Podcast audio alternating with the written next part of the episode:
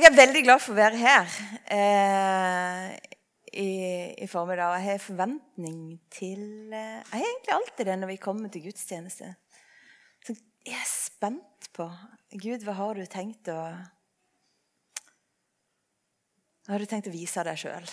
Jeg gleder meg til å treffe folk. Eh, og så, eh, så er det noe fint i det å stige inn i fellesskapet med Kristus sammen. Mm. Og så har jeg bare lyst til å si at jeg gleder meg til faste. I dag er det fastelavn. Og det er jo en bolledag eh, for veldig mange. Og for mange så er det ikke mer enn det. Eh, men jeg har gått i mange uker og gleder meg til faste. Jeg blir mer og mer takknemlig for at det fins et kirkeår som rammer meg inn. For jeg syns ikke alltid det er så lett å ramme meg sjøl inn. Og det å bli ramma inn Sånn at når jula er der, så får jeg et spesielt fokus på Gud som kommer til oss. ikke sant? Eh, og så er påska der, og så får jeg på en særlig måte blitt minnet om Golgata. Som vi jo bare ikke skal glemme resten av året. Ingen av disse tingene skal vi glemme resten av årene. Men fasten er blitt for meg. Altså, jeg sa det faktisk til ei i går. så sa Jeg jeg gleder meg til fasten. Det skal bli altså det, skal, jeg, det skal bli en frigjøring for meg. Jeg, jeg snakker med meg sjøl og med Gud om hva skal jeg faste fra. Jeg skal ikke faste i 40 dager fra mat. Det trenger du ikke være redd for. Eh, eller det kan godt være at det er noen som har tenkt å faste.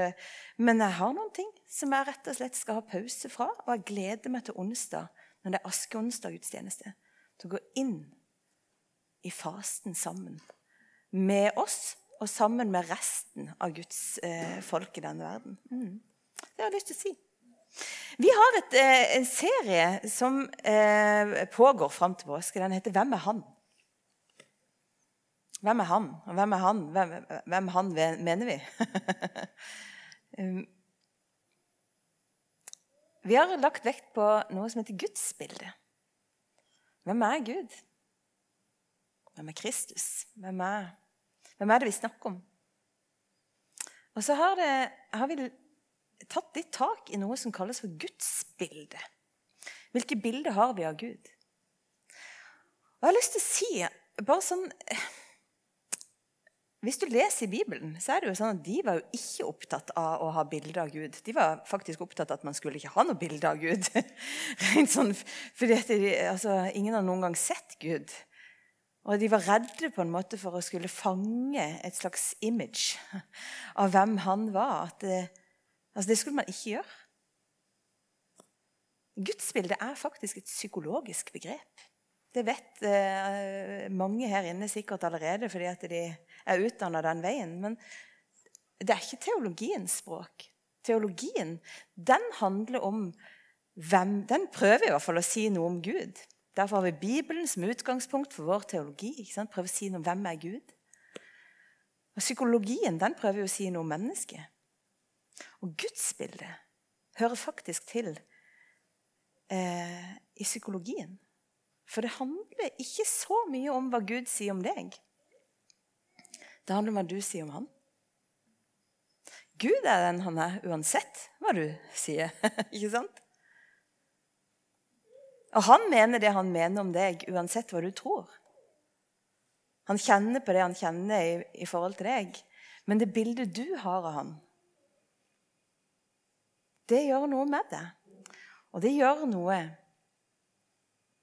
om hva vi tenker teologien egentlig sier. Nå ble det mange vanskelige ord. Jeg hadde bare lyst til å si det og plassere det likevel.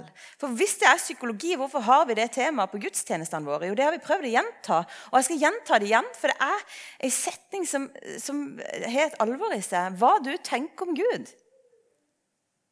Det vil påvirke ditt liv og dine valg resten av livet. Det gudsbildet du har, den forestillinga du har om han, det kommer til å påvirke livet ditt. Alle valgene dine. Resten av ditt liv. Det kommer til å påvirke hvordan du lever med deg sjøl. Det kommer til å påvirke hvordan du lever med andre mennesker, hvordan du forholder deg til samfunnet rundt deg. Det kommer til å påvirke deg som forelder. Som mor og far er det morsdag. Gratulerer til alle mødre. Men, men jeg utvurderer ikke det. Jeg bare sier at dette kommer til å påvirke deg. I måten du er mamma på. I måten du er pappa på. Mm. Det kommer til å påvirke livet ditt. Og Forrige gang så snakka Allan eh, veldig fint om at det er noen barnesanger som hadde danna et bilde av Gud. Og Han eh, forteller om sin egen generasjon. Allan er jo eh, Er han blitt 60? Ja, det må han jo. Hyggelig sagt. Det må han jo. Det er gøy hvis folk sier det om meg. Jeg har blitt 50. Ja, det må hun. Litt sånn der Kjedelig. Med Allan er en, en, venn, altså. Vi har en god relasjon. så jeg, jeg, ehm, jeg, kunne sagt det til han. Men han snakker om at når, når, når, han var barn, så var det en sang som liksom, vær, på søndagsskolen som 'Vær forsiktig, lille øye, hva du gjør'. Gud ser det. Må du passe på? Det var noen, noe språk som ble brukt, som skapte frykt. Bildet av Gud som en litt sånn skummel type som du ikke kunne stole helt på at hadde et vennlig øye til deg. ikke sant? Og så sier han at mine barn de har hørt på en sang som vi sang innledningsvis i dag. Gud er så glad i meg at han kan ikke holde øynene fra meg. Og Vi har mye å være takknemlige for når det gjelder utvikling av eh, barnesangtekst, i hvert fall når vi ser på de to. Eh, og så skulle ønske at det holdt med en barnesang for å danne et gudsbilde, men det er faktisk ikke nok. Vi har en forestilling om Gud. Vi har faktisk forestilling om alt vi vet om. Jeg har en forestilling om min mor. Jeg ringte henne i dag. Jeg har en forestilling om hvem, hvem hun er. Men jammen meg, og faktisk jo eldre jeg blir, så oppdager jeg mer og mer om henne. Hun hadde noen sider jeg ikke hadde skjønt. Noen sider jeg plutselig oppdager mer. Ellers er noen koder som plutselig knekkes. Interessant. Forestillinger har vi tenkte på, på, begrepet forestilling. Det er jo, altså Teaterforestilling det er jeg glad i. Og Det er som om vi har en sånn der forestilling At alle har hver sin sånn derre Ja, jeg vet ikke. Et slags stykke inni her. Vi har gitt hverandre forskjellige roller basert på det vi allerede har. Dette er avansert språk. Jeg merker det sjøl. Jeg merker det sjøl. Men det er noe jeg tror, og jeg tenkte jeg skulle komme med et eksempel. Fordi at det, Um, I utgangspunktet så er jeg utdanna um, sosionom med noen andre års studie. Og jobba som det, og så begynte jeg å jobbe i kirke. Da var jeg 28. Og så, eh, så var det sånn at jeg hadde ikke tenkt å bli der så lenge. Jeg ble der i ni år, så det blir jo ikke alltid sånn som man har tenkt. Eh, eh men når jeg hadde vært der noen år, så så var de litt sånn opptatt av eh, at når de ansatte meg, så skulle jeg liksom bare inn litt sånn i farta som ungdomsleder. Og det syns jeg var helt topp. Det var jo en tittel som ikke hadde noe prestisje over seg. Flott! Sant? Da kan man jo bare imponere. Så, eh, så jeg, jeg, hadde tittel ungdomsleder. Og så og så eh, gikk det noen år, og så var det, var det litt fra styret og sånt. Kan, vi ikke kan vi ikke gjøre en om til at det står ungdomspastor? Da hadde jeg vel begynt å studere noe teologi i tillegg. så det var sånn. Nei, nei, sa jeg. Ikke, eh, nei, nei takk. Eh, jeg er veldig fornøyd hvis det kan bare stå ungdomsleder. eller Gjerne ungdomsarbeider. Du kan kalle meg hva du vil, men jeg skal ikke stå, jeg skal ikke stå ungdomspastor eller noe annet pastor. Nei, nei. Så gikk det ett år, så spør de en år etterpå, og jeg hadde liksom samme innstillinga. Og så fikk de et nytt styre. Eh, eh, det gjør det jo rett som det, er, vi skal jo jobbe med det. Men i hvert fall så var det kommet en ny fyr inn i dette styret. Og så ringte han meg. og det var rett, Samme dag som vi skulle ha menighetsmøte, så hadde de hatt et styremøte hvor de skulle vedta noen ting. Og Da ringte en fyr meg, og så sier han Elmerit, nå vil jeg bare si, Han var helt ny i styret, da, så han hadde jo ikke fått med seg hvor full av protester. var. Eh, så sier han jeg ringer bare for å si en god nyhet før menighetsmøtet i kveld. Og det er at nå har vi endra stillingstittelen din til ungdomspastor. Og vet du hva jeg gjorde? Da la jeg på. Ingenting. Jeg bare brøyt, la på, og så begynte jeg å hylgrine.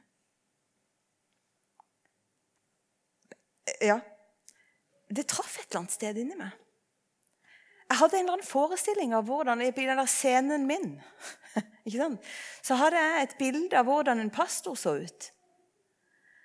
Jeg gikk faktisk i to år til samtale for å finne ut av om jeg i det hele tatt kunne være en pastor. For det var vanskelig for meg. Og en ting som jeg oppdaga ganske tidlig Han var fin, han som jeg prata med. Han var her og prata for bare noen uker siden. Jarle het han. han. Hva ser du for deg når du ser for deg en pastor? Og så var det bare sånn Det, det så jeg virkelig. Det var out of the blue. Så så jeg for meg pastoren i Postman Pat. Det var det bildet. Og det var, jeg har jo møtt masse hyggelige folk som er pastorer. Veldig få jeg kunne kjenne meg igjen i. Men, eh, mange av de var menn over 50. ikke sant? Og det kunne jeg jo heller ikke kjenne meg igjen Jeg var jo kanskje bikka 30 på dette tidspunktet. Men, men jeg var altså så for meg pastoren i Postmann Pet. Og han hadde jo denne store nesa. skjønner du, var alltid litt sånn trist kledd. Og det hvite håret. og, det, og Han var så uinteressant i Postmann Pet-verden. Og så måtte jeg jobbe med hva er det å være en pastor. Jeg måtte jobbe med forestillinga mi. Mm. Og da hadde jeg allerede jobba en stund i kirke. Så man skulle jo tro at jeg hadde snappa opp noen ting. Og det hadde jeg jo.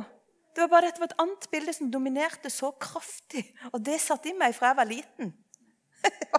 Jeg var pastoren i Postmann Pat. Og han var så dørgende kjedelig at jeg tenkte et sånt liv kan jeg ikke ha. Nei. Da viser det seg at det er litt annerledes, da å være pastor. Det er jeg glad for. Det er jeg veldig glad for. Altså, Gudsbildet er ikke teologi. Det er forestillinger. Men det henger ganske nøye sammen med måten vi oppfatter hvem Gud er på. ikke sant? Så Derfor henger dette sammen. Det henger fullstendig sammen. Og Jeg har tenkt å, bruke bibelvers i dag for å si noe om at det gjelder oss. Hvorfor er det viktig? Det er en som har sagt at utvikling er å vikle seg ut. Er ikke det godt sagt? For Vi må utvikle forestillingene våre, vi må utvikle bildene våre. De bildene vi har, kanskje av oss sjøl, kanskje av andre. Og ikke minst av Gud, hvis vi skal leve med oss sjøl, andre og Gud. Vi må jobbe med disse tingene. Jeg tror nemlig at vi kan vikle oss ut av noen bilder som ikke stemmer. Det er nummer én som jeg har tenkt på. Nummer to jeg tror at hvis jeg kan vikle meg ut av noen gudsbilder som gjør det veldig vanskelig for meg å leve med Han, så kan jeg så har jeg et håp og tro på at det går an å finne en slitesterk hverdagstro. At det bildet jeg har av han Gud som lever med meg og meg med han, at det er en relasjon som jeg orker å være i, som jeg orker å bevege meg i, og som jeg orker å bære. Jeg tror det kan vokse, sånn at til slutt bærer meg. Til slutt så bærer det meg. Og Jeg tror at det går an å ha et gudsbilde som Å se en Gud som jeg kan stole på, og som ikke gjør meg redd. Og som jeg ikke er flau av. Det, det har jeg vært. Mange ganger. Og særlig da jeg var yngre, kanskje. var jeg flau flau og litt usikker på hvor bra han egentlig var. Og jeg har bare lyst til å si det, at Hvis jeg ikke hadde jobba med gudsbildene mine, og jeg gjør det fortsatt, så hadde jeg ikke, Det krever litt å gå inn på Tromsø kulturhus. Det er bare lyst til å si, fra et menneskelig ståsted. Å gå inn der og være litt ballsy og si vi vil gjerne ha en samtale om Jesus i dette rommet. Kan vi organisere det sammen?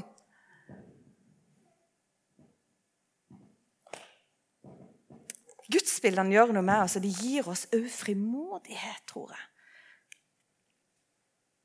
Vi har vært igjennom en historie for eh, Det er faktisk blitt eh, nevnt flere ganger. Men Emmaus-vandrerne Etter at Jesus er død, så står det om et par disipler som ikke gadd å henge i Jerusalem lenger. Og Dette er før han er oppstått, eller før de vet om det. Det er faktisk samme dag som Jesus står opp. Da står det at det var to disipler på vei til en landsby som het Emmaus, 60 stadier fra Jerusalem. Og de snakka om alt det som var skjedd. Mens de nå snakka sammen og drøfta dette, kom Jesus selv og slo følge med dem. Men øynene deres ble hindret i å se, så de ikke kjente han igjen. Han sa da til dem, 'Hva er det dere går og snakker så ivrig om?' De stanset og så bedrøva opp, og den ene, han som het Kleopas, han svarte, 'Du må være den eneste tilreisende i Jerusalem som ikke vet hva som er hendt der i disse dager.' 'Hva da?' spurte han. 'Det med Jesus fra Nasaret', svarte de. Han var en profet, mektig i ord og gjerning for Gud og hele folket. Men våre overprester og rådsherre utleverte han og fikk ham dømt til døden og korsfesta ham og vi som hadde håpa at det var han som skulle befri Israel. Dessuten i dag er det alt tredje dagen siden dette hendte. Og nå har også noen kvinner blant oss gjort oss forvirret. De gikk ut til graven tidlig da morges, men de fant ikke kroppen hans. De kom tilbake og fortalte at de hadde sett et syn av engler som sa at han lever. Noen av våre gikk da til graven, og de fant det slik som kvinnen hadde sagt men han selv så det ikke.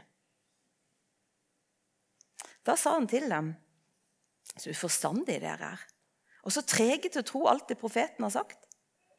Måtte ikke Messias lide dette og så gå inn til sin herlighet?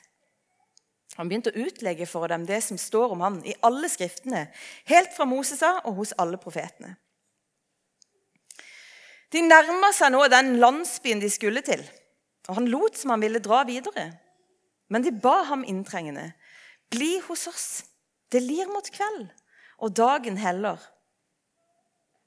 Da gikk han med inn og ble hos dem. Og mens han satt til bords med dem, tok han brødet, ba takkebønnen, brøt det og ga dem.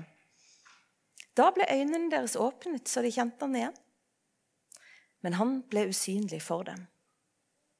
De sa til hverandre, brant ikke hjertet i oss da han talte til oss på veien og åpna Skriftene for oss. Og de brøt opp med en gang og vendte tilbake til Jerusalem. Og Der fant de alle de elleve og vennene deres samlet. Og disse sa, 'Herren er virkelig stått opp og har vist seg for Simon.' Og Så fortalte de de to om det som hadde hendt på veien, og hvordan de hadde kjent han igjen da han brøt brødet. Det står i Lukas 24, 13-35.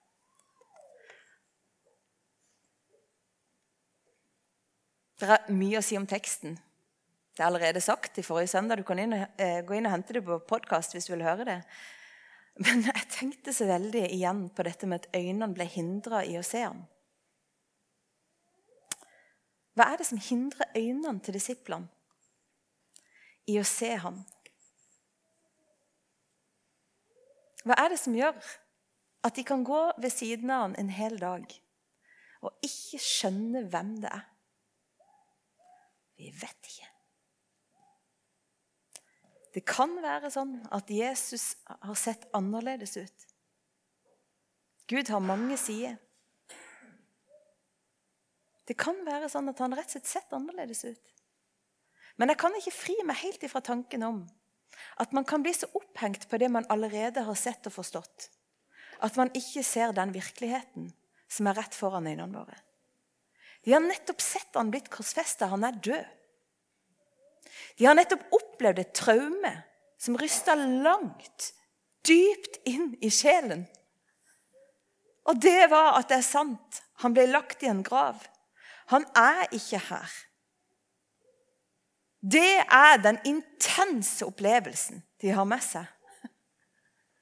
Av og til så kan det vi har opplevd, sitte så hardt at den virkeligheten som er sann, og utenfor vår forestilling og vår scene, blir helt vekk for oss. Det som er fint, og Allan nevnte det forrige søndag Det som er fint med Jesus, det er at han har tid til å høre på hva de har opplevd. Det er akkurat som han har tid til at alt det som har grumsa seg til foran øynene sine, at de skal få gitt det til han. Så han går ved sida av de si, og så bare lytter han. Nå har vi opplevd dette. Vi har håpt på dette. Vi har trodd dette. Og så viser det seg sånn. Og det var sånn. Det føltes sånn. Og så har han bare tid til å ta imot alt det de har opplevd. Sånn er Jesus. Der er teologien. Sånn er han.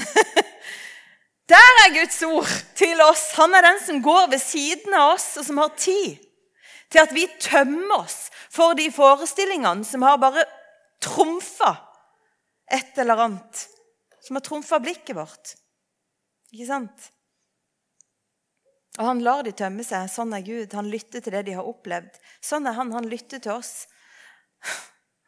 Og så hjelper han dem. Og så begynner han å veilede dem. Og så skjer det noe.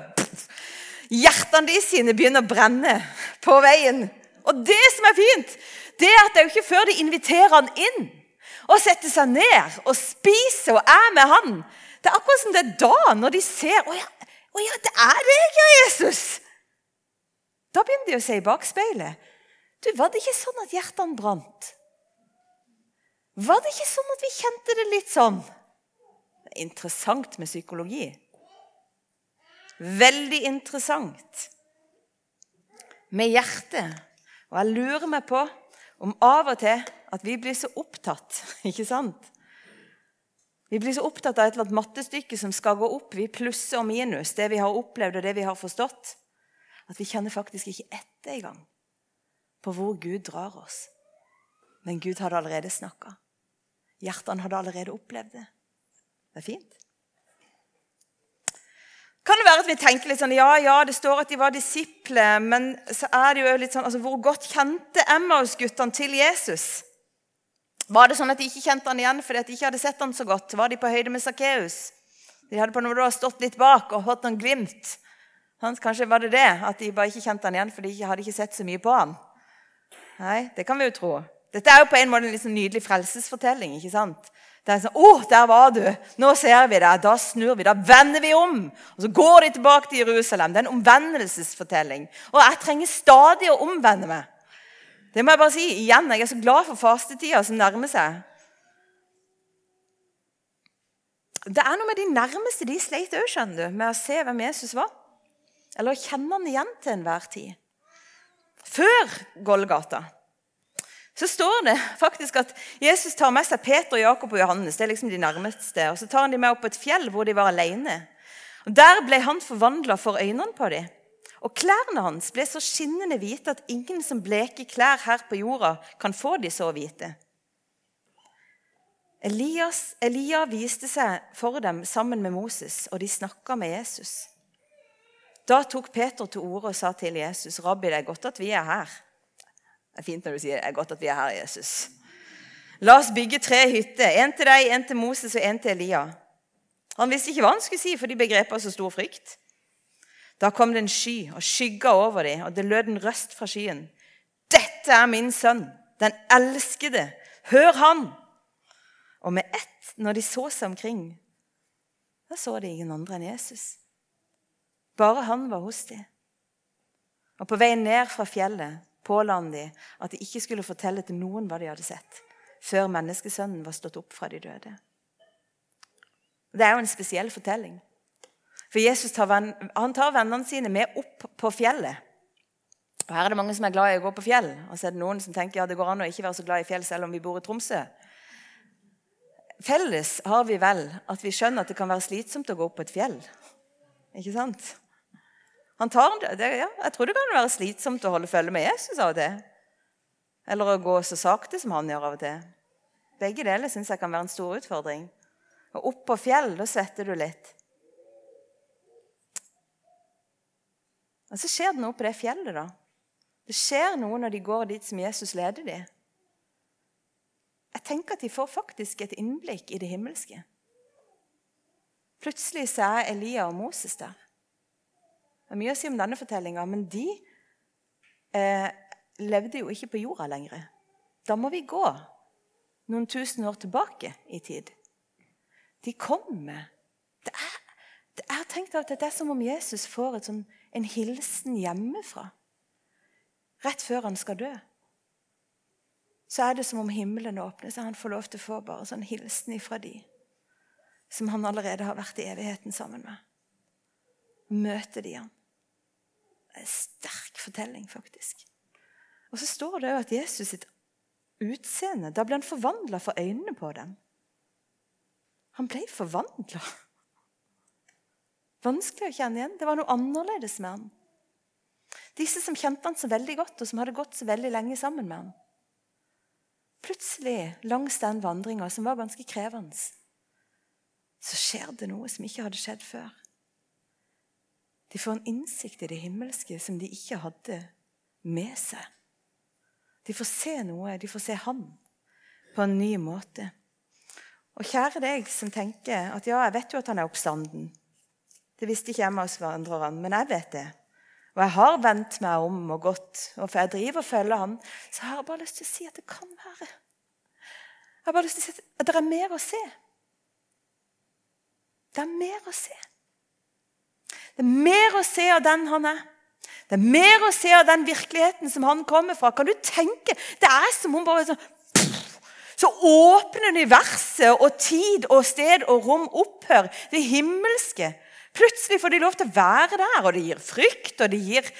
og plutselig så hører de den samme røsten som var der når Jesus ble døpt. Og kanskje de var til stede rundt Jordan, en av de eller to av de, det vet vi ikke. Men det er som om Gud sier nei, det er han samme.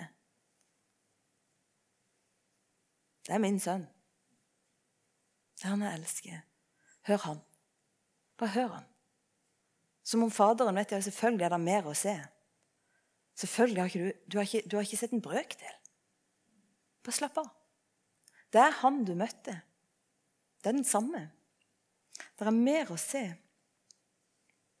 Jeg tenker at de fikk en styrka tro.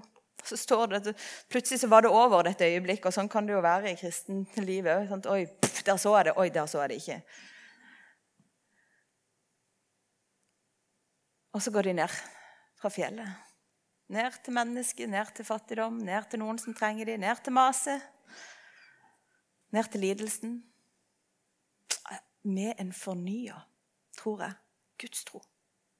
Med et fornya bilde av Gud. Med et fornya bilde av Kristus, av Jesus, den oppstandende som vi kjenner i dag. På slutten av sitt liv så får Johannes han sitter på Patmos. Han er forvist til Patmos. Da får han et syn han får egentlig flere. Dette kan du lese i Johannes' åpenbaring. Så skriver han jeg snudde meg for å se hvem som talte til meg.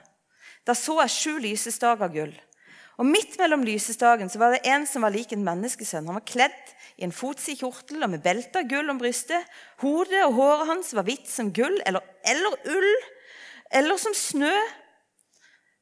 Som hvit ull eller som snø. Der var eller. Øynene var som flammende ild. Føttene som bronse gløda i en ovn, og røsten var som bruset av veldige vannmasse. Det er voldsomt. I høyre hånd holdt han sju stjerner, og fra munnen gikk det ut et skarpt, tvega sverd. Ansiktet var som sola når det skinner i alle sin kraft. Når jeg så han, falt jeg som død ned for føttene hans. Men han la sin høyre hånd på meg og sa, frykt ikke. Jeg er den første og den siste, og den levende. Jeg var død, Og se, jeg lever i all evighet, og jeg har nøklene til døden og dødsriket. Vi kjenner jo ikke Johannes, vi kan bare ha en forestilling om han. Vi vet at han var en ung gutt når han begynte å følge Jesus. Kanskje var han nede i 11-12-årsalderen. Det er det noen som mener. Han har sett Jesus før Golgata, han har sett Jesus etter Golgata.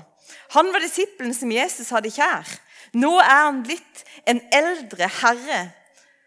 Han er i en situasjon hvor han er forvist til Patmos. Antageligvis kjenner han på ensomhet.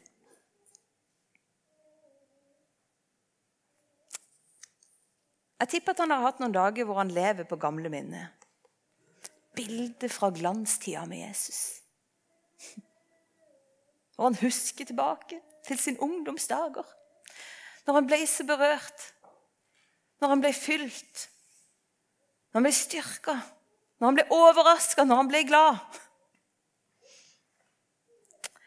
Men Johannes må ha gjort noe, det vet vi jo i, i historiebøkene. Han har ikke sluppet relasjonen til Jesus. For han har skjønt noe underveis, at han er oppstanden, han er i himmelen, og jeg kan ha en relasjon til han, og antageligvis fortsetter han å ha det.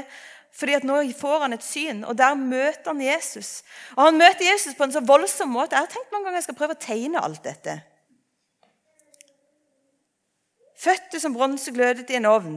Røst som brus av veldig vannmasse. Sju stjerner, skarpt tvega Det liksom det er som, Og det er som om han ikke Ja, det er sånn eller sånn. Han klarer ikke engang å forklare det han ser. Og han er på, han er, han er på høsten av livet. Der er han. Og der møter Jesus han og sier, 'Frykt ikke, du Johannes.' Du vet, Alle kameratene hans er drept innen denne tida omtrent. På en eller flere, og flere måter. holdt jeg på å si. De er, de er virkelig de er, de er martyrer. Og så sier han, 'Jeg var død.' Det er som Jesus sier, det er meg. Men jeg lever. Jeg lever i evighet, og jeg har nøklene til døden og dødsriket. Frykt ikke, du. Kjære Johannes. For en hilsen. Og Nå skal jeg avslutte, men jeg har bare lyst til å si du ba om det, Peder, og så ba du om at jeg skulle dele det bildet jeg hadde. Når jeg dro på Rivermont, så kjente jeg på fredagen Vi hadde en sånn samling på fredagen med lovsang. og At jeg var ordentlig trøtt. Og det, det er ikke sånn at det bare kan man jo være, men jeg kjente det inni meg. At jeg var litt sånn der, litt inntørka. Skjønner du? Og så sa jeg må jeg bare sitte her. Og etter hvert så gikk jeg, og så søkte jeg faktisk forbønn. Og mens jeg satt der, var det ikke sånn at jeg plutselig ble veldig vågen. Men plutselig så kjente jeg at bildet inni meg et eller annet sted av Jesus ble levende. Som om når du vanner en plante som bare er helt sånn uttørka, så kjente jeg at bildet ble levende. Og jeg aner ikke hva slags gudsbilde du går og bærer på. Kanskje tenker du det er ikke noe galt med mitt gudsbilde. Nei, det er ikke sikkert det er noe galt med ditt gudsbilde. Tror det er mer å se. Tror det kan berikes. Men mest av alt har jeg lyst til å si på slutten i dag at det bildet du har Hvis ikke det er levende, så jeg tror jeg invitasjonen fra Gud i dag er at det vil han gjøre noe med. For han er den første og den siste, den levende. Og dette, min kjære venn, er det Den hellige ånd som kan gjøre noe med. Han er den som kan levendegjøre Jesus på nytt. Han er den som kan levendegjøre Jesus på nytt. Nå ber jeg, så skal vi ha lovsang. Og mens vi har lovsang, så kan du få lov til å snakke med Gud akkurat sånn som du vil, i stillhet der du er. Du kan få lov til å søke forbønn her framme om du vil. Jeg tror at han inviterer oss. Det var nesten sånn at jeg Når jeg snakka med Jesus, så var det sånn at jeg, jeg nesten hadde et inntrykk av at han sier sånn Vil de se meg? Vil de se meg?